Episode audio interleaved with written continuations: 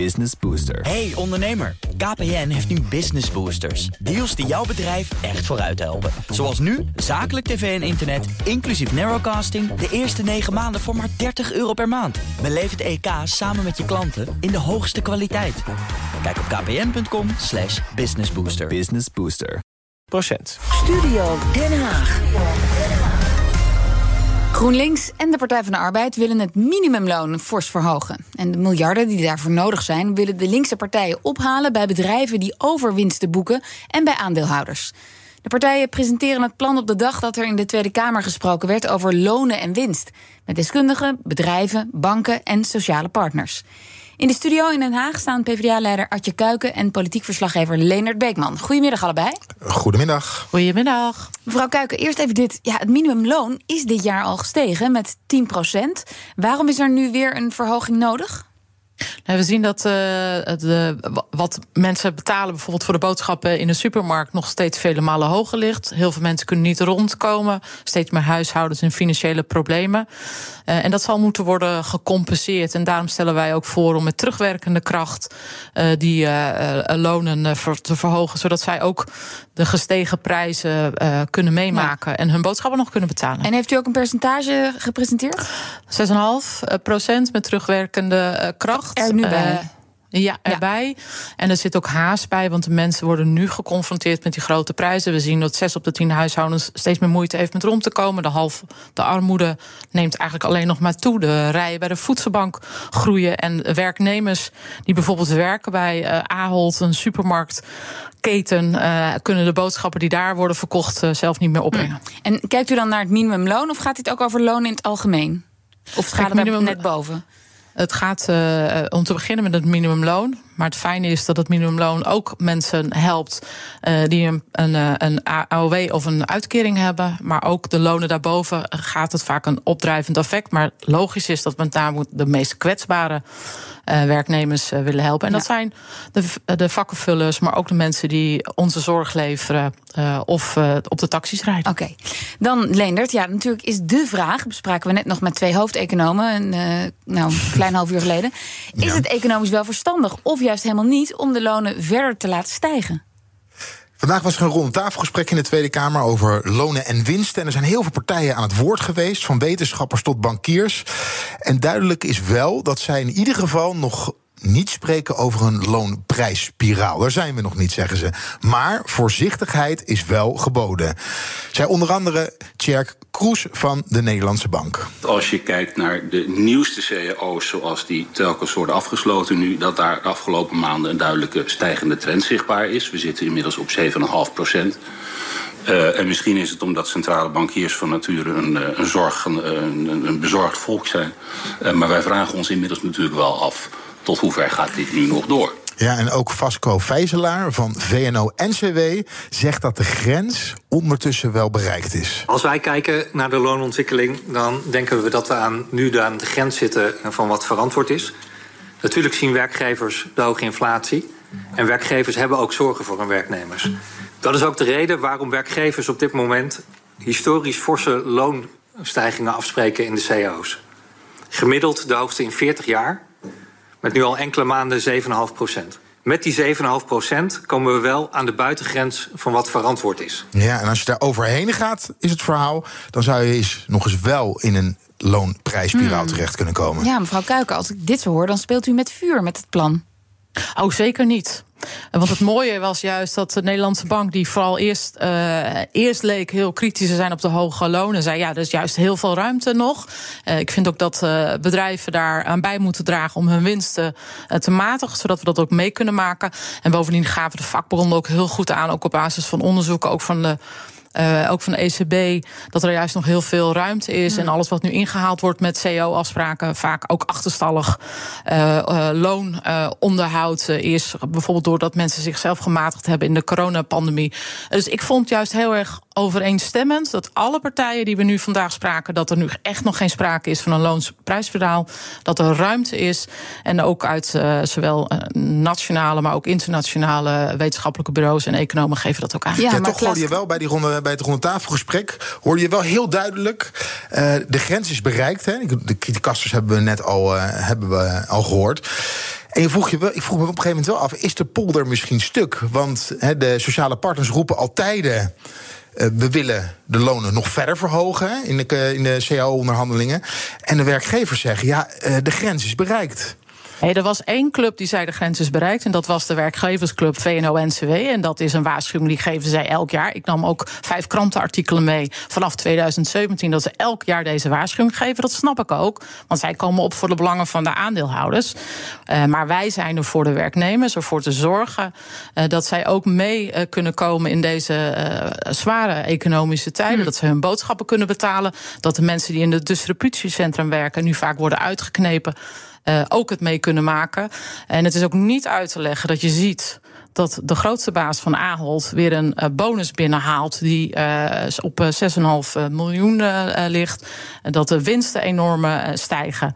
en dat de werknemers nog steeds uitgeknepen ja. worden en de vakken leeg waren. Dus kortom, er is nog voldoende ruimte en dat is ook nodig. En dat voelt ook die hele samenleving. Maar mevrouw Kuiken, ja, Klaas Knot zei nou anderhalve week geleden, geloof ik, uit mijn hoofd, dat er juist geen ruimte meer is. En dat het bij die 7% max moet blijven, omdat er anders die loonprijsspiraal toch om de hoek komt kijken. Nou, dat is, heel, dat is juist het aangename. Want er was een, uh, we hadden de heer Kroes vandaag ook van diezelfde Nederlandse bank. Ik bevroeg hem daar ook op. En hij zei: nee, die ruimte is er nog wel degelijk. Uh, en toen vroeg ik, en hij zei ook, en ik vind ook dat juist werkgevers hun verantwoordelijkheid moeten nemen door hun winsten te matigen. Ook te kijken wat gebeurt er nou precies naar die prijzen. Zodat die loonontwikkeling ook nog steeds uh, mogelijk is. Want die marges zijn er echt nog hm. steeds. Dus in dat betreft gaf hij vandaag ook een nou, heel verrassend uh, ander geluid. Toch, mevrouw Kuiken, waar wilt u al, waar wilt u al die miljarden vandaan halen voor de verhoging van het minimumloon? Want dat kan ja, u zegt de winsten van de werk, werkgevers van de bedrijven kunnen iets geminderd worden, maar er is meer nodig natuurlijk. Nou ja, we zien dus jaar na jaar wijzen uh, grote bedrijven, aandeelhouders. Oh, we, pas op met de lonen, want kunnen we niet betalen. Maar we zien jaar op jaar dat er recordwinsten worden opgehaald. Ik noemde al Ahold, maar er zijn ook andere uh, voorbeelden. Bonussen die nog steeds belachelijk hoog zijn. Nou, als je die bedrijven iets meer winstbelasting laat betalen. Eerst eenmalig 50% alles boven de 10 miljoen. Structureel 30% meer winst. de winstbelasting ophogen naar 30 maar ook de aankoop van eigen aandelen uh, belasten. Nou, dat is een heel pakket wat je dan op kan leveren. Het levert miljarden op.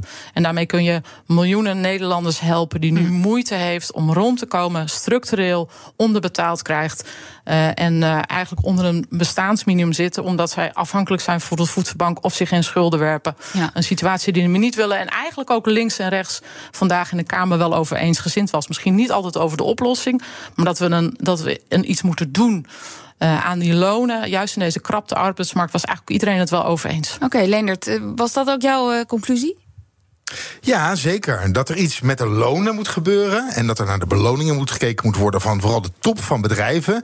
Ja, daar links en rechts in de Kamer zag ik wel dat, dat ze het daarover eens waren. En er was ook een heel pijnlijk momentje op een gegeven moment met, met Ahold. Waarbij de vraag was: ja, hoe kan het nou eigenlijk dat de vakkenvuller er geen loon bij krijgt? Of heel weinig. In ieder geval, zeker ten, als je dat bekijkt ten aanzien van de inflatie. En de top, daar uh, uh, tientallen of ja, de, nou ja, de procenten bij krijgt.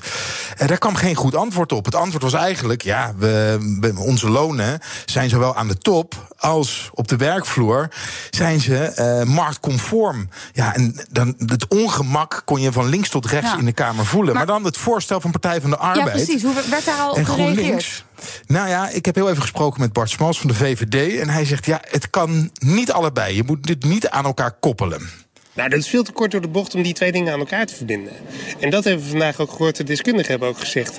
Dat ten eerste is er al een discussie over of dat inflatie is. We hebben een hele fundamentele discussie, economen onderling al, van wat is er nou eigenlijk precies aan de hand?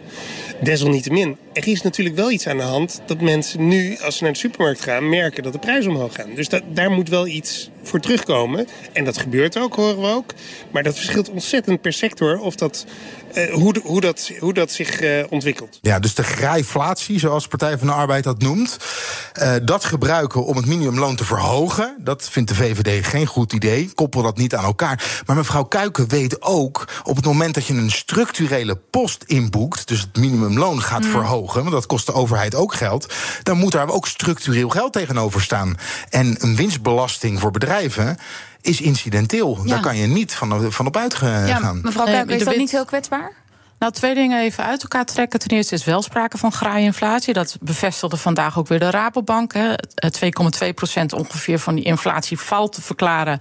eh, door te hoge eh, prijzen doorbreken naar, eh, naar klanten. En waar wij allemaal het nadeel van ondervinden. Dus dat is één.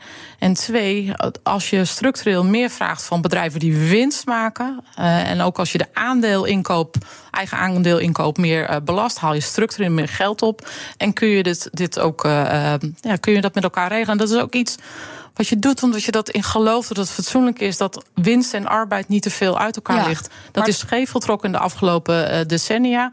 Dat is te lang geaccepteerd, juist door diezelfde markt. En daarom zeg ik ook, overheid grijp in. Kom met een maatregelenpakket. Regel je belastingstelsel zo in eh, dat we in dit land de dingen fatsoenlijk regelen. In plaats dat de boel steeds maar uit elkaar trekt. Maar- waar maar dan- zelfs de maar- VVD van zei. Ja, maar we vinden het ook wel een beetje onlogisch. Maar kijk, er, er is zo, de economische tijden, ja, die, die verschillen nogal. Hè. Het gaat of heel goed of wat minder goed. En het kan ook heel slecht gaan. Ja, maar dan, dan maak je dat minimumloon afhankelijk van de economie. Nou, kijk, wij willen sowieso dat het minimumloon omhoog gaat naar eh, structureel eh, meer dan ja, maar als die 14 bedrijven euro. dan geen winsten meer maken, waar moet het dan vandaan komen?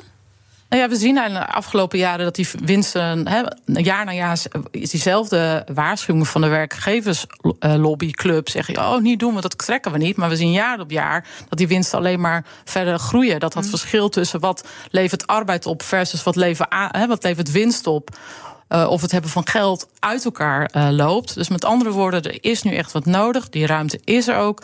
En eigenlijk zijn steeds meer partijen ook in de Kamer van overtuigd dat het moet. Maar het vraagt nu politieke moed, het vraagt lef en ook accepteren dat markt niet meer de macht kan bepalen, maar dat wij dat met elkaar vaststellen in dit land, zodat we werknemers eerlijke eh, voorwaarden bieden, dat ze gewoon fatsoenlijk rond kunnen komen, en dat we mensen niet uitbuiten. Bedrijven moeten een fatsoenlijk verdienmodel hebben en geen uitknijp- of uitbuitingsmodel. En dat hebben we nu te lang toegestaan. We moeten het hierbij laten. Ik denk dat we elkaar hier nog vaker over spreken. Dank voor nu.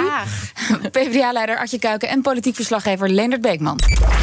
Business Booster. Hey ondernemer, KPN heeft nu Business Boosters. Deals die jouw bedrijf echt vooruit helpen. Zoals nu, zakelijk tv en internet, inclusief narrowcasting... de eerste 9 maanden voor maar 30 euro per maand. Beleef het EK samen met je klanten in de hoogste kwaliteit. Kijk op kpn.com slash businessbooster. Business Booster.